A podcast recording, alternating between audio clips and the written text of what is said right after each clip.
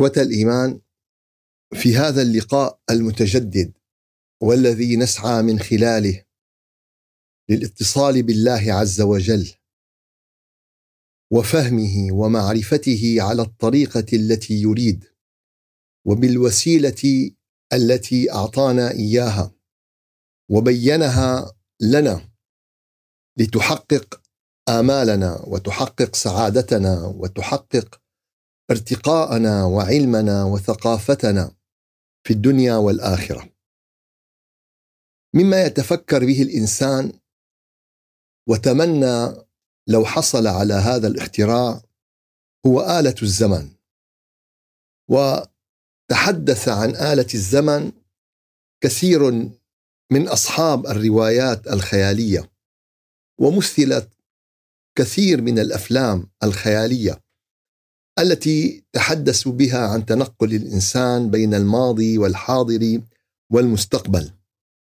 والحقيقة أن هذه التجارب كانت ضربا من الخيال وغالبا ضربا من الأوهام. ولكن الله عز وجل قد أعطانا في القرآن الكريم هذه الفضيلة. فتنقل بنا القرآن الكريم بين الماضي والحاضر والمستقبل فأعطانا ما فيه نجاح حاضرنا في حياتنا وحثنا على الاستفادة من كل ذرة من ذراتها. وكذلك تنقل بنا إلى المستقبل فبين لنا سعادة وهناءة المتقين المصلين الصائمين الطائعين الذاكرين العابدين القانتين الخاشعين المتصلين المتعلمين العارفين. وبين لنا عقاب الظالمين المتجبرين المتغطرسين المتكبرين الذين خرجوا عن الصراط المستقيم.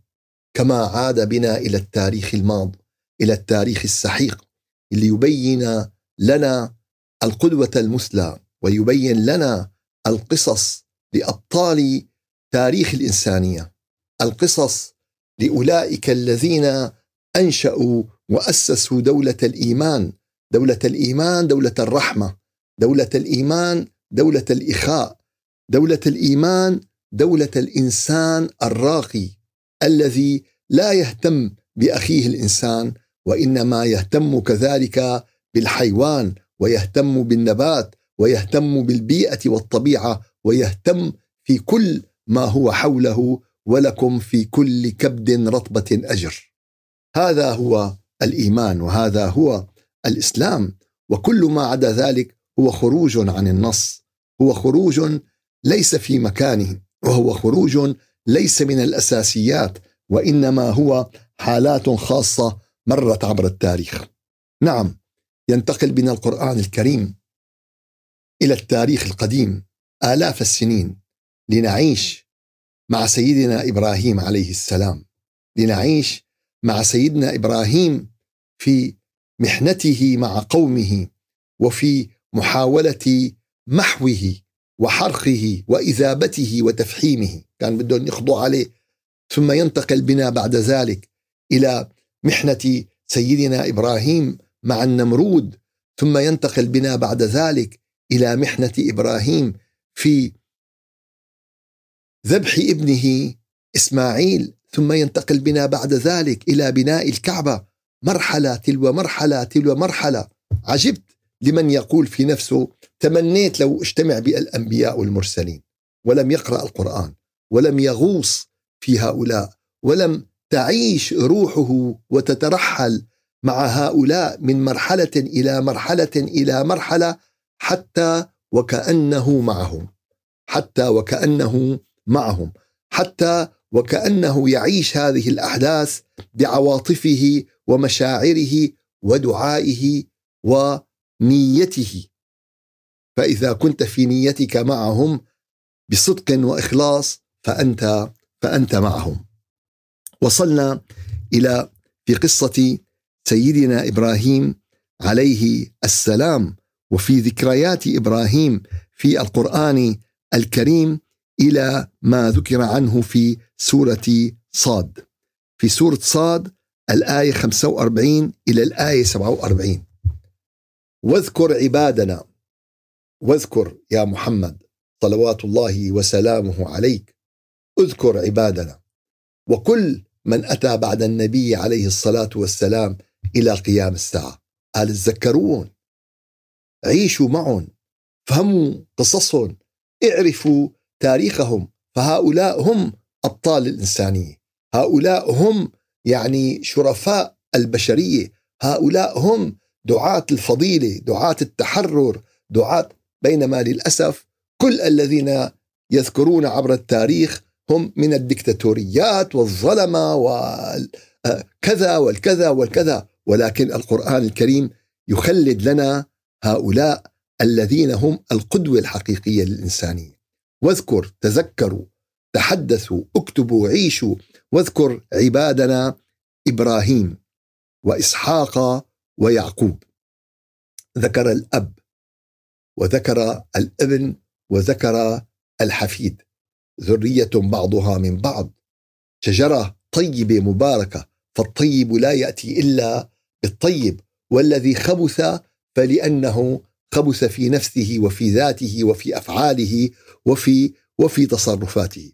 واذكر عبادنا إبراهيم وإسحاق ويعقوب. أولو الايدي والأبصار. صفتين فيهم من الروعة ما فيهم من الروعة. أولو الايدي والأبصار. طبعا هذا بعلم البديع يسمى مجاز مرسل. مجاز مرسل يعني يعني آه، وصفهم بهذه الصفة للدلالة على أمور أخرى. فذو الايدي يقال بأنها تعبير عن القوة. وأما ورود في هذا المقام فهم أصحاب الأعمال الجليلة أصحاب الأعمال التي تخلدت مع آه، تاريخ البشرية ومع تاريخ الإنسانية. شو بتقول؟ والله بتقول فلان له أيدي كبيرة بهالعمل هذا. شو يعني له له يد كبيرة. له يد كبيرة يعني ساهم بهالعمل بالتبرع بالجهد بالبذل بالتخطيط بكذا بكذا.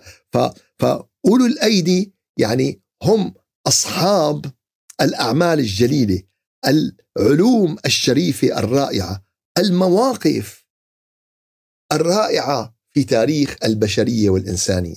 فها هو سيدنا إبراهيم ينشئ الكعبة ويضع الأساسات ويؤذن في الناس في الحج.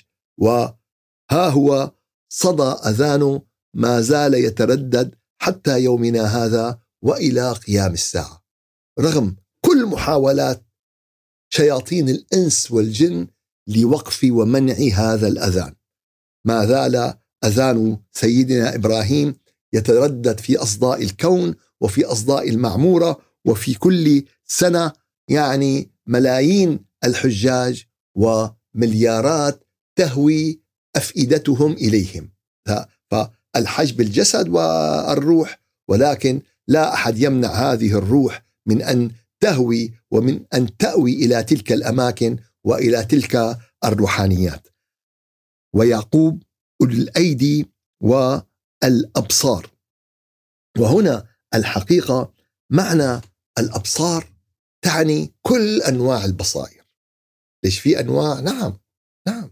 الله عم بيقول والأبصار في في البصر العيني وهذا البصر إما أن يكون بصرا ونظرا حيوانيا مجردا وإما أن يكون بصر من ورائه عقل مفكر. أن يكون بصر من وراءه عقل مفكر. وكذلك إما أن يكون بصرا عاديا وإما أن يكون بصر ومن ورائه روح منورة وعندها تصبح بصيرة. فأبو جهل نظر إلى محمد صلى الله عليه وسلم كقريب كإنسان من القبيلة كفقير كيتيم. هيك شافوا. فهذا هذا هذا النظر القاصر بينما آه، سيدنا أبو بكر وسيدنا عمر وسيدنا علي وسيدنا عثمان نظروا إليه محمد رسول الله. فماذا كان نتيجة هؤلاء وماذا كان نتيجة هؤلاء؟ هدول نظر فقط لشخص نظروا لكذا. فاليوم نفس هذه النظرة نفس هذه النظرة نراها بعض الكتاب والفلاسفة أنه أذكياء هن إنه محمد عبقري يا أخي. محمد يعني آه، أعظم إنسان بالتاريخ. كل شيء مستعدين نقول لك كل شيء إلا رسول الله. أيوه. إلا رسول الله. يعني شو القصد؟ بدهم ينسفوا الرسالة. فبيعظموا بيعظموا بيعظموا يقول لك النبي شو بدك؟ النبي أعظم إنسان. النبي أعظم كاتب. كتب القرآن الكريم. الك... ولكن لينسفوا. لا وقفوا عندكم. النبي أعظم شيء عنده أنه رسول الله وكل شيء يأتي يأتي بعد هذه المكانة ويأتي بعد هذا ويأتي بعد هذا المقام. فأولئك فهي البصر يا أحبابنا.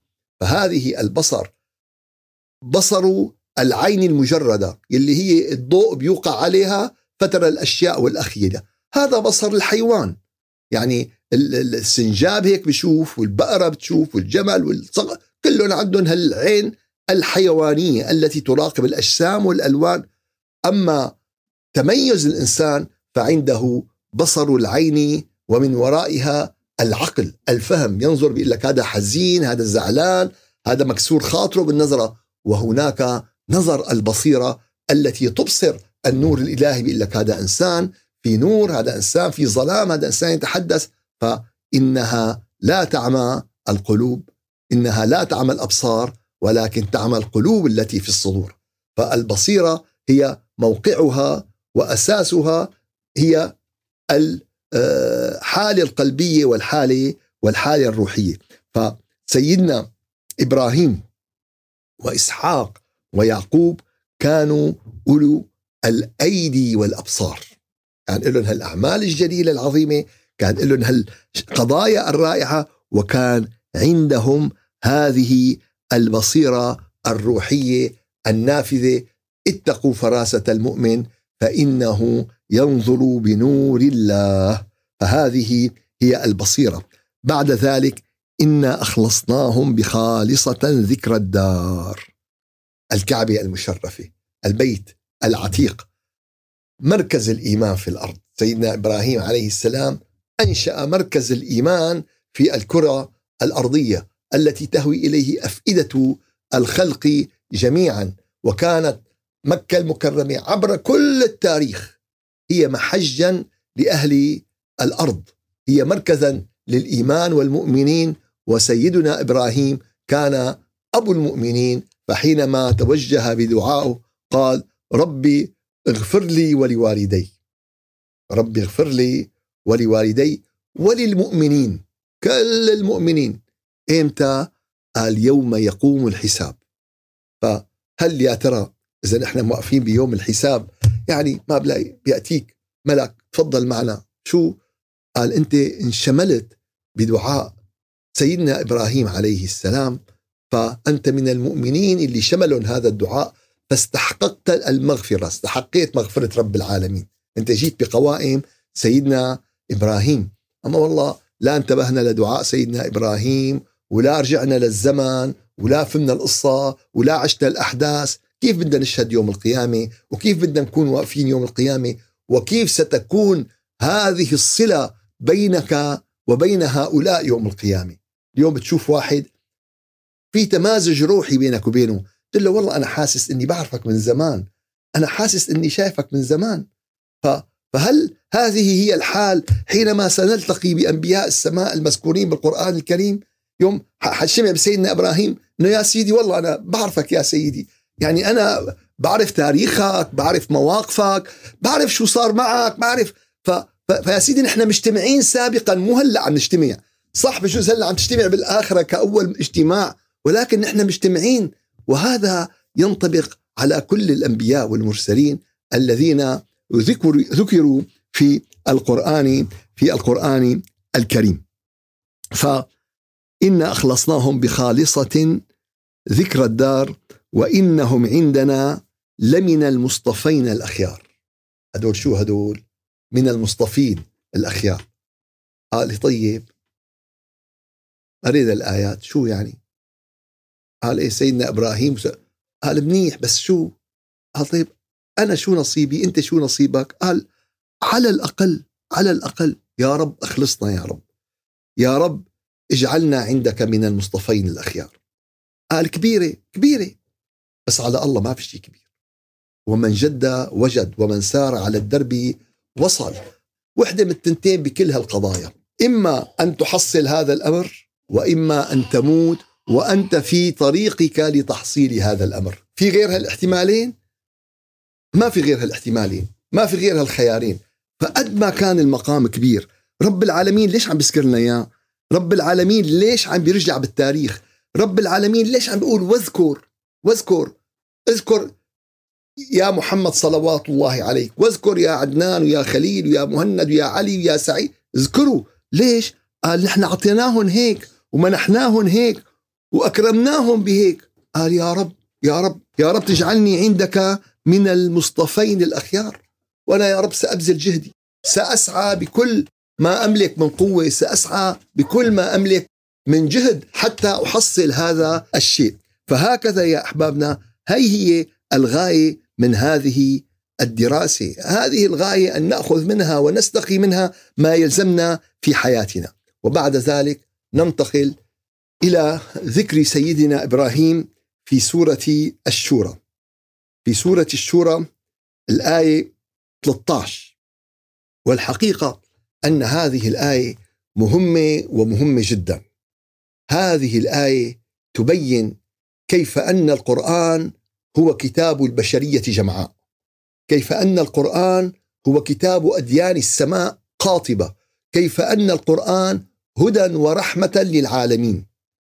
الله عز وجل يذكر في هذه الآية مخاطبا أهل الأرض مخاطبا البشر جميعهم على اختلاف ألوانهم ومذاهبهم وعقائدهم. شرع لكم من الدين. الله الخالق الأحد الواحد شرع لكم من الدين ما وصى به نوحا. قال شو الدين شرع؟ اللي وصى فيه نوح. والذي أوحينا إليك يا محمد وما وصينا به إبراهيم وموسى وعيسى. يعني مين صفي؟ هدول هدول بشكله اليوم خمسة مليار على على وجه الأرض. خمسة مليار بشكله اللي انذكروا لحد هلأ بشكله خمسة مليار على وجه الأرض. إذا صلحوا أصبحت الأرض جنة جنة في الدنيا قبل أن نصل بها إلى جنة الآخرة. أن أقيموا الدين أن أقيموا الدين ولا تتفرقوا فيه. فعل أمر تلو فعل أمر بعبارات واضحة صريحة جلية. ما عليها لبس. أن أقيموا الدين ولا تتفرقوا فيه. الجواب أهل الأديان عم بيجاوبوا رب العالمين سنتفرق. سنتفرق في كل بيعة وسنتفرق في كل موقف وسنتفرق في كل مركز إسلامي وفي كل كنيسة وفي كل هي الحقيقة هي الواقع. بيجي واحد بيقول لك ليش هيك عم بيصير؟ ليش هيك؟ الله يجيرنا الله يجيرنا من اللي عم بيصير والله يجيرنا من اللي بده يصير.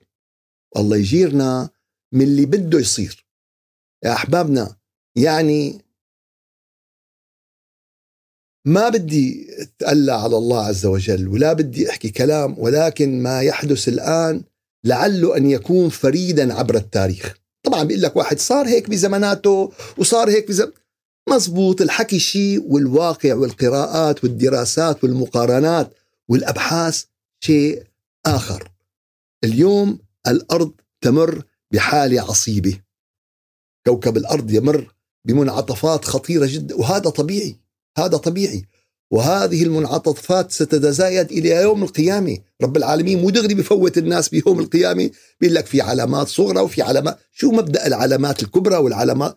مبدأ العلامات التمهيد، أن الله يمهد ويمهد ويمهد، ما في شك الإنسانية تقترب أكثر وأكثر وأكثر، وما في شك أن الإنسانية اليوم تتفنن بالفساد، تتفنن بالفساد.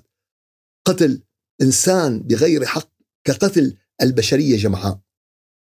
اليوم النمر بالغابة بيقتل بني آدم، الحية بتقرص بني آدم. بس البني آدم عنده مخلب بيقتل فيه مليون بني آدم. شو هالوحش هذا اللي عنده مخلب في 100 في مليون ناب عم بيقتل مليون بني آدم اليوم وصل وصل الإنسان من التغول ومن التوحش يعني مرة من المرات سألوا أحد العلماء قالوا له مين هو الأناني يا سيدي؟ مين هو الأناني؟ قال له الأناني اللي بيحرق بلد ليقلي بيضة. شو بيساوي؟ بيحرق بلد ليقلي بيضة. في اليوم الناس مشان مصالحها مشان فوائدها مشان أرصدتها مشان أموالها مشان مكانتها مستعدة تحرق الدنيا كلها. ولا حول ولا قوة إلا بالله العلي العظيم. قال أن أقيموا الدين ولا تتفرقوا فيه. كبر على المشركين ما تدعوهم إليه. الله يجتبي إليه من يشاء ويهدي إليه من ينيب. الله يجتبي إليه من يشاء ويهدي إليه من ينيب. فالواقع يا أحبابنا لابد لابد لأبناء رسل السماء. نعم لابد لأبناء رسل السماء.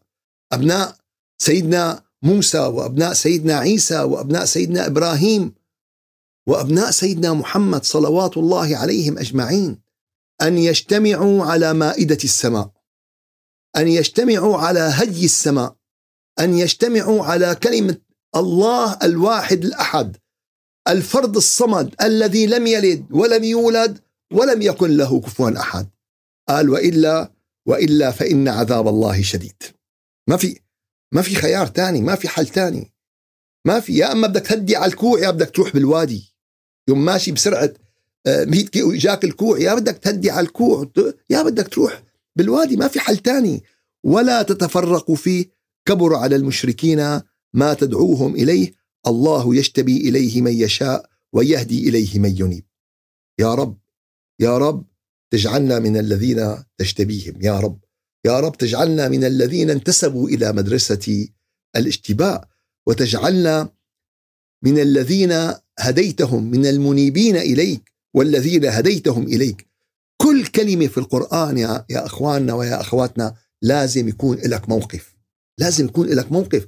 آية ذكرت تمرق قدامنا هيك؟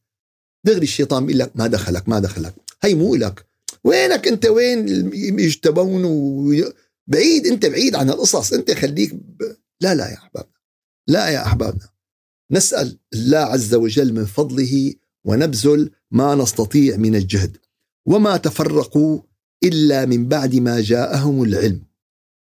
في علم موجود. ليش تفرقوا؟ قال بغيا بينهم. شو؟ بغيا بينهم. أخي ليش الدين مع قال في مصالح في بغي. طيب ليش أبناء الدين الواحد كلهم مفرقين؟ 500 عالم و500 مذهب و500 آه آه شو اسمه؟ كل واحد بيطلع لك اسم جديد وكل واحد بيطالع لك آه جماعة جديدة كل و... يا أحبابنا وين؟ آن الأوان أن نرجع إلى أمر أساسي. الدين يا أحبابنا كما شرعه الله عز وجل الدين قضيتين أساسيتين. الدين هو كلمة التوحيد ووحدة الكلمة. الدين المطلق أبناء سيدنا موسى وعيسى ومحمد.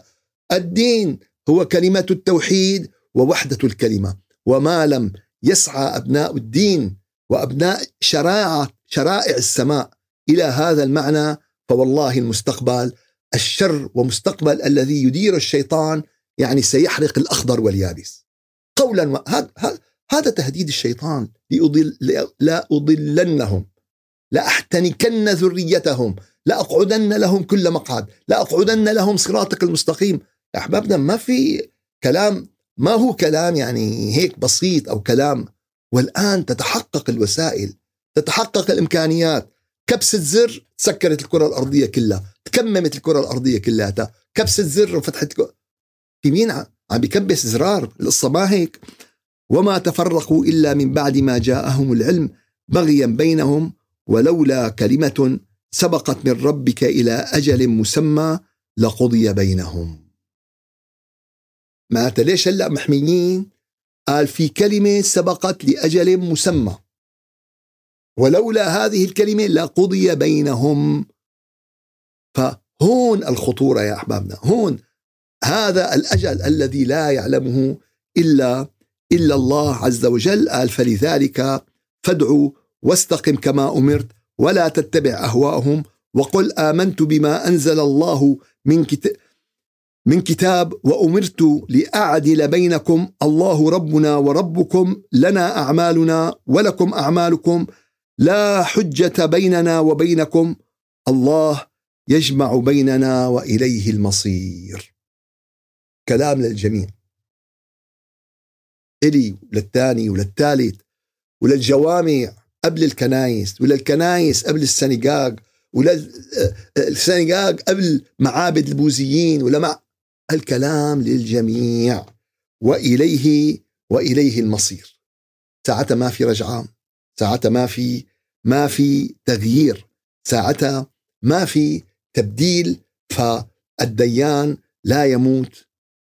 والديان سيحاسب الكبير والصغير على كل قطمير على كل صغيرة وكل كبيرة. فيا نياله يلي استعد لهذا الأمر. يا رب يا رب إنا نشهدك أننا نبرأ من تفرق الأمة وإننا نشهدك أننا نبرأ من تفرق أبناء شريعة السماء ومن اختلافهم ومن تمزقهم. ويا رب إنا نشهدك بأننا نؤمن بأنه لا إله إلا أنت وأنك قد شرعت لنا من الدين ما وصيت به أنبياؤك ورسلك أجمعين وإننا على هذا وعلى ما أتى به القرآن الكريم وما أتى به سيدنا محمد صلى الله عليه وسلم وما أتى به كل أنبياء السماء من وحي السماء ومن التوحيد ومن الإيمان بك يا أكرم الأكرمين. هي عقيدتنا هي عقيدتنا وهذا قلبنا الذي يتسع لكل بني الإنسان يتسع لكل بني الإنسان وأما أي اختلاف فهو سبب بغيا بينكم سبب الظلم سببه الأنا سببه الهوى سببه أنا خير منه. شو اللي حرق إبليس؟ كلمة وحدة كلمة وحدة دمرت إبليس من طاووس الملائكة إلى أخرج منها فإنك رجيم. كلمة وحدة. أنا نحن جماعتنا جامعنا مركزنا ضيعتنا جاليت. يا جماعة يعني كلكم لآدم وآدم من تراب. يعني نتمنفخ على بعضنا ونتفشفر على بعضنا. وحقنا كلنا يعني فيروس صغير دخل على البشرية. خربطنا ثلاث سنين فوتنا من قرنه طالعنا من قرنه لا عرفنا كيف فتنا ولا عرفنا كيف طلعنا ولا حول ولا قوة إلا بالله العلي العظيم.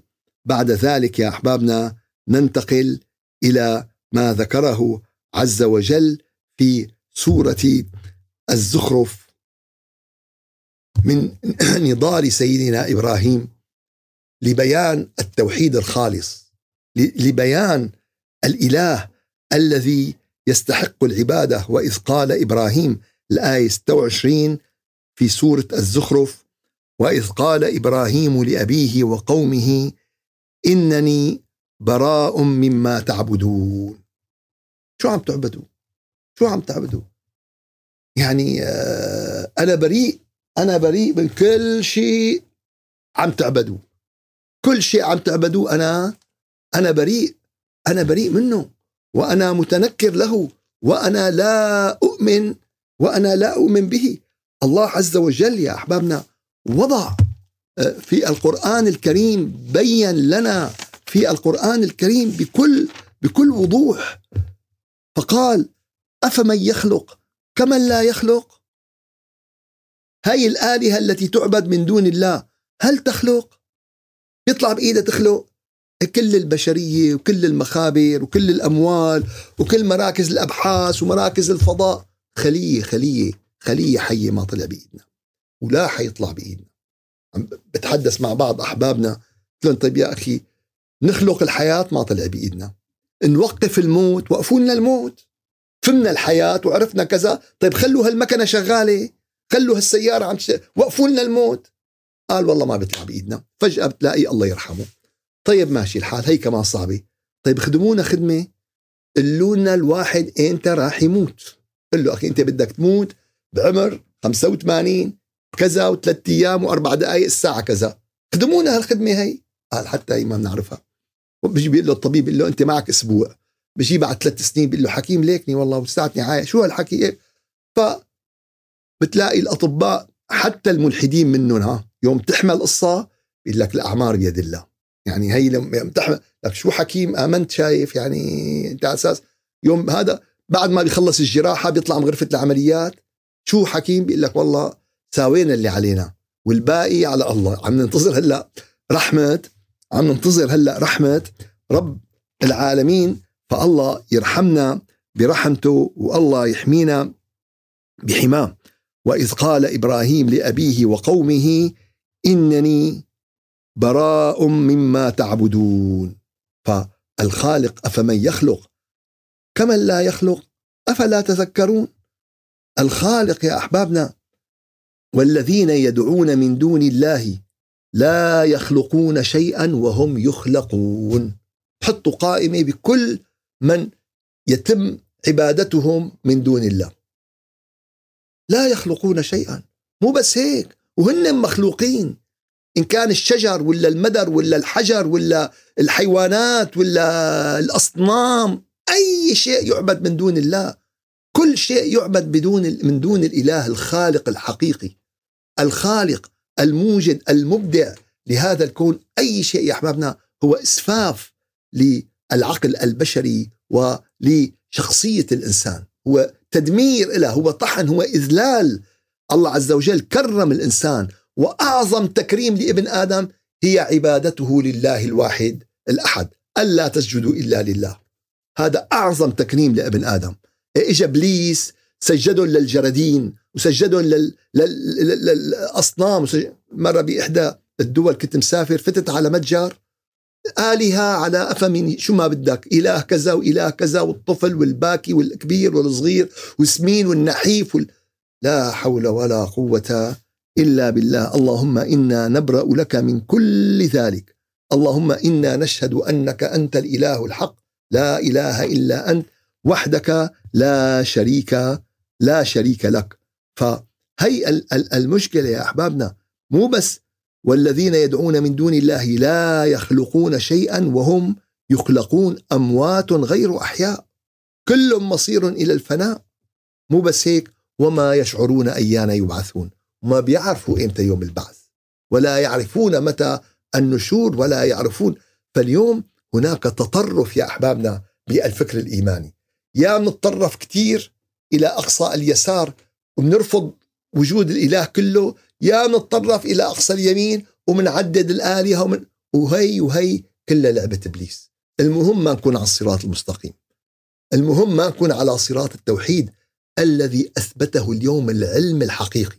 اليوم أثبت العلم الحقيقي أن لهذا الكون قوة واحدة أوجدته وأبدعته وأدارته وتديره. هي حقيقة اليوم العلم واجدة وموجودة. بس بقى بنحاول بحاول بقى إبليس بكل ما أوتي من قوة أن يخفي هذه الحقائق وأن يخفي هذه وأن يخفي هذه الأمور. وإذ قال إبراهيم لأبيه وقومه إنني براء مما تعبدون إلا الذي فطرني فإنه سيهدين. وجعلها كلمة باقية في عقبه لعلهم يرجعون بل متعت هؤلاء وآباؤهم حتى جاءهم الحق ورسول مبين ولما جاءهم الحق قالوا هذا سحر وإنا به كافرون. دائما في حجة دائما في واحد بيقول لك أخي أنا ما بآمن لتفرجيني يعني بده آه، إله على كيفه. تفصيل مثل ما بده هو هو هيك بده بده الإله هو يمكن يشوف. إيه أنت الشمس ما بتحسن تطلع فيها دقيقة. وقف بالشمس تطلع دقيقة فيك تطلع دقيقة بالشمس وهي بعز دين الظهر وقت بصير كسوف للشمس بيقول لك حطوا عدسة لأن الأشعة مؤذية لو ما لك لو فيك تطلع عليها في, في هذه الحالة ولكن ستدمر العين. إذا الشمس ما فينا انفجار نووي ما فيك تطلع عليه ما فيك تقرب عليه. بدك تشوف رب العالمين انت الآن في مدرسة في كوكب الأرض لتتعرف إلى الله. لتتعلم عن الله لتتهيأ لهذا اللقاء العظيم لهذا اللقاء المرتقب مع حضرة الله عز وجل والذي لا يكون إلا لمن سار على نهج الله إلا لمن نجح وتخرج في في مدرسة السماء التي شرعها الله لأنبيائه جميعا.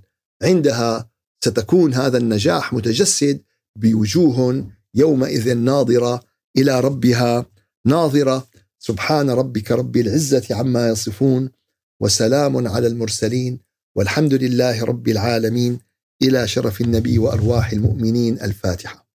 أعوذ بالله من الشيطان الرجيم، بسم الله الرحمن الرحيم، الحمد لله رب العالمين. وأفضل الصلاة وأتم التسليم على سيدنا محمد وعلى آله وصحبه أجمعين. اللهم أعنا على دوام ذكرك وشكرك وحسن عبادتك ولا تجعلنا يا إلهنا يا مولانا من الغافلين. اللهم سلمنا لرمضان وسلم رمضان لنا وتسلمه منا متقبلا. يا رب العالمين يا رجاء السائلين يا غياث المستغيثين اهدنا الصراط المستقيم وثبتنا على الصراط المستقيم حتى نلقاك وأنت راض عنا يا رب العالمين يا رجاء السائلين لا إله إلا أنت سبحانك إنا كنا ظالمين. لا إله إلا أنت سبحانك إنا كنا مقصرين. لا إله إلا أنت سبحانك إنا كنا غافلين. يا رب فاعفو عن تقصيرنا وبدل غفلتنا ذكرا وبدل ضعفنا قوة وبدل فرقتنا وحدة ترضى بها عنا يا رب العالمين. لا إله إلا أنت رب السماوات ورب العرش العظيم. لا إله إلا أنت سبوح قدوس. يا رب العالمين يا رجاء السائلين يا غياث المستغيثين نور قلوبنا بفضلك وجودك ورحمتك. واغفر لنا وارحمنا ولآبائنا ولمشايخنا ولمن سبقنا إلى دار البقاء الفاتحة.